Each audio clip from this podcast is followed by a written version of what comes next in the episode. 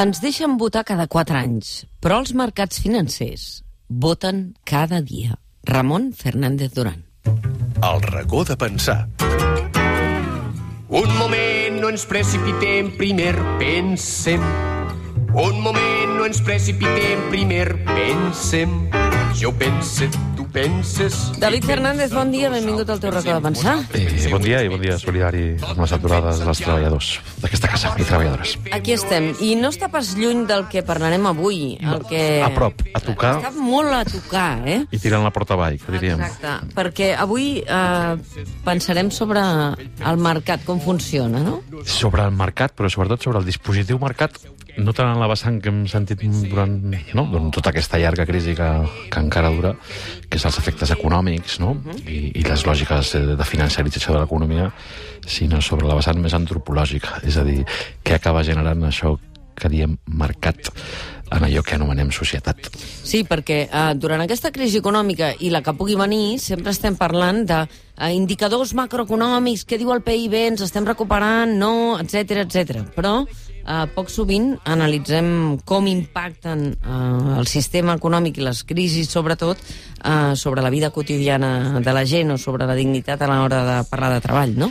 Exacte, i per fer-ho ho fem, a més, eh, un cop més, jo crec, no és el primer cop, que ho fem gràcies als companys i les companyes dels quaderns de Cristianisme i Justícia, que el darrer quadern que hem fet, que podeu trobar disponible a la xarxa, es diu Mercaderies fictícies, recuperant Polanyi per al segle XXI. Frena, frena, frena. Frena, David Fernández.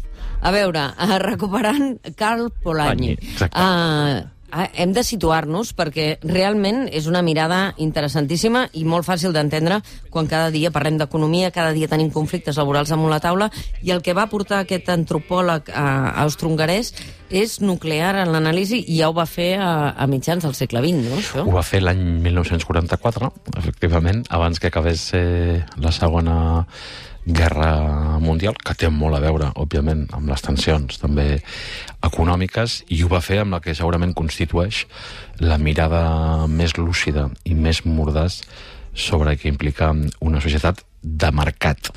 Eh, dic de, perquè també podríem presentar el racó d'avui en la diferència substantiva en, en de dir una societat amb mercat, com un lloc on s'intercanvien béns i serveis, o una societat de mercat. És a dir, que ho totalitza tot i que ho redueix tot, absolutament qualsevol parcel·la de la nostra vida pública o privada, a, a l'afany del lucre no? i a l'afany de dominació, anem a dir-ho així. I ens converteix a nosaltres en mercaderies. És una societat de mercat, la que vivim, i per tant tot el que fem nosaltres i tota la nostra vida està convertida en una mercaderia, o és una societat amb mercat on el mercat ens ajuda a, a viure, no? Entre altres coses. Sí, Això és el que, aquí és on ell posa el focus. Aquí és on ell el posa focus fonamentalment d'això que anomenem eh, mercat, o el dispositiu mercat, o el mercat capitalista, no? Ja com a, no? perquè hi ha altres mercats, eh, òbviament, però el mercat capitalisme com una màquina trinxeraire de qualsevol vincle social, de qualsevol vincle comunitari i d'una realitat que al final acaba malmetent, deteriorant i fins i tot anul·lant les possibilitats de dignitat humana d'una vida sense preu, dit així també, però també de les possibilitats de, de comunitat, o sigui, de viure en societat i de la vida, i de la vida en comú. I tants anys després, no? el que és també aquest eh, llibre, diríem que és eh, la crítica eh, més sensata, més severa i més serena a l'utopia liberal. Uh -huh. Aquell imaginari que ens diuen que Que el mercat s'autoregula, que mercat no passa res... que no fa falta cap instància de fiscalització, de control, de posar límits al poder del poder i al poder del diner, i aleshores se'ns recorda també, això és important, que en la, la mite i la fantasia d'aquella mà negra que tot ho fa funcionar a través del dispositiu diner, és a dir, que si tots comprem i venem tot, absolutament tot, eh, doncs aleshores tot funcionaria perfectament. Eh, diu que això no només és, és fals, sinó que a més és un, és un mite fals i és una realitat criminal en, en molts casos, no? I l'altre que diu que jo crec que és important, perquè també que sigui tan contemporània, tan vigent i tan actual rellegir aquesta obra del 44 amb la mirada del 2019 és perquè diu que el dispositiu mercat que precisament intenta escardar tot això genera automàticament dispositius d'autodefensa per la part de la societat. Però aquests dispositius de defensa uh -huh. poden ser molt, molt, molt diferents.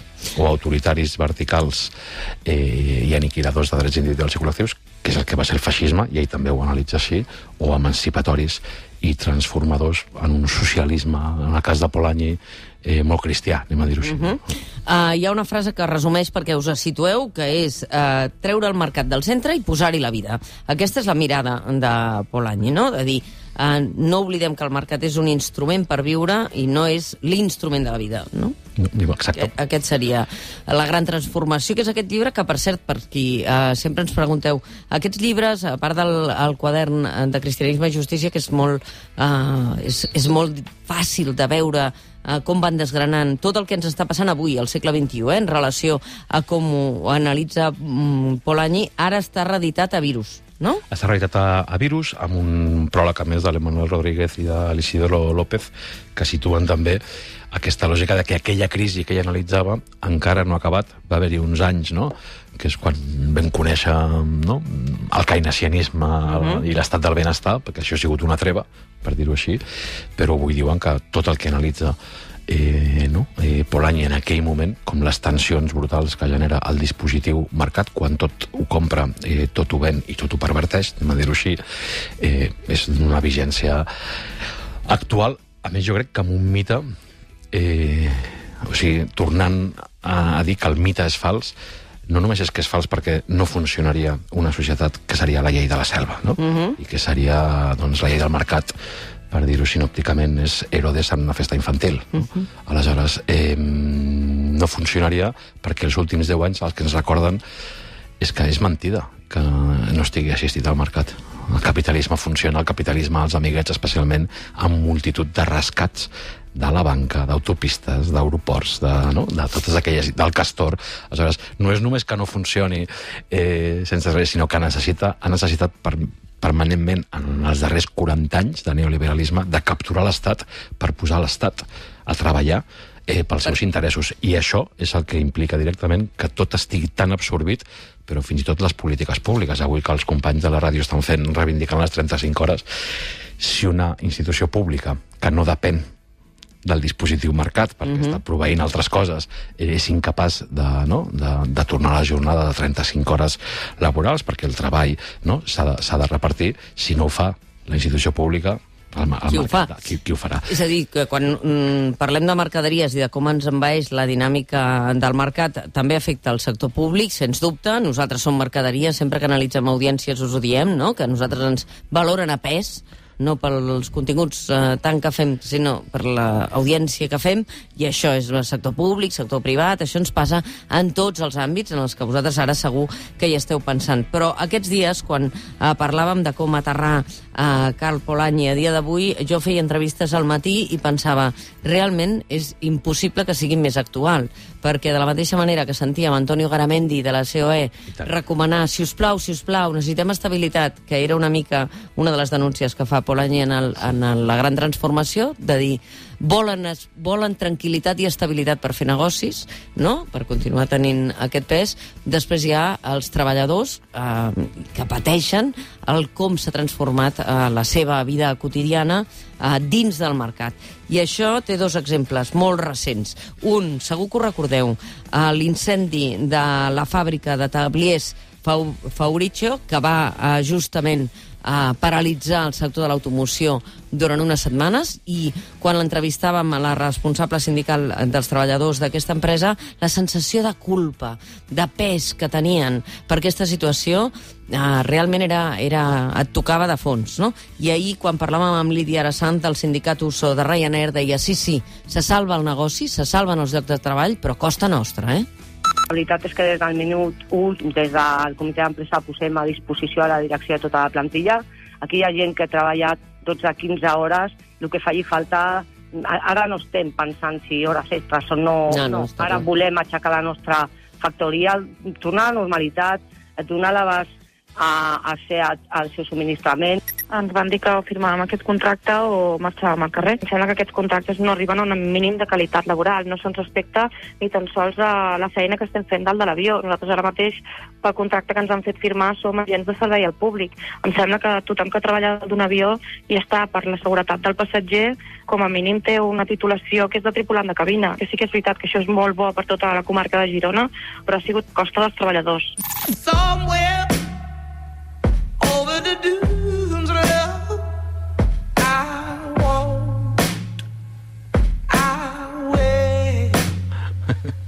De què rius, David Fernández? De què rius? Aquí algú reconeix la inconfusible veu de la Lava Shakes.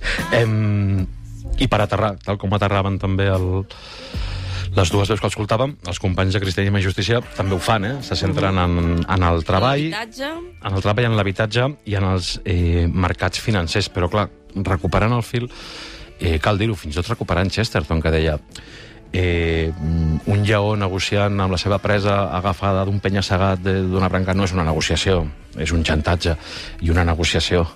Eh, no? Dient-te, un o, agafes això, o firmes això, te'n vas al carrer. Se li ha de dir molt clar a Ryanair, no és cap negociació, és un xantatge digne de la màfia, no? Aleshores, és, eh, és així, però és...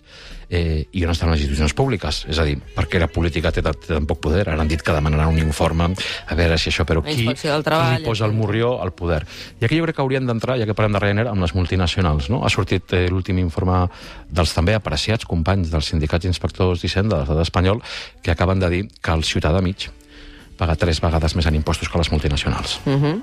És així, és a dir, qui més té, menys paga, eh, no? o l'Evangeli segons eh, Sant Lluc, que alguna vegada hem, hem recordat fins i tot, eh, hi ha 24 de les majors empreses d'aquest país que paguen un 0,3% d'impostos. Haurien de pagar 6.500 milions eh, en impostos i paguen només eh, 60, 65.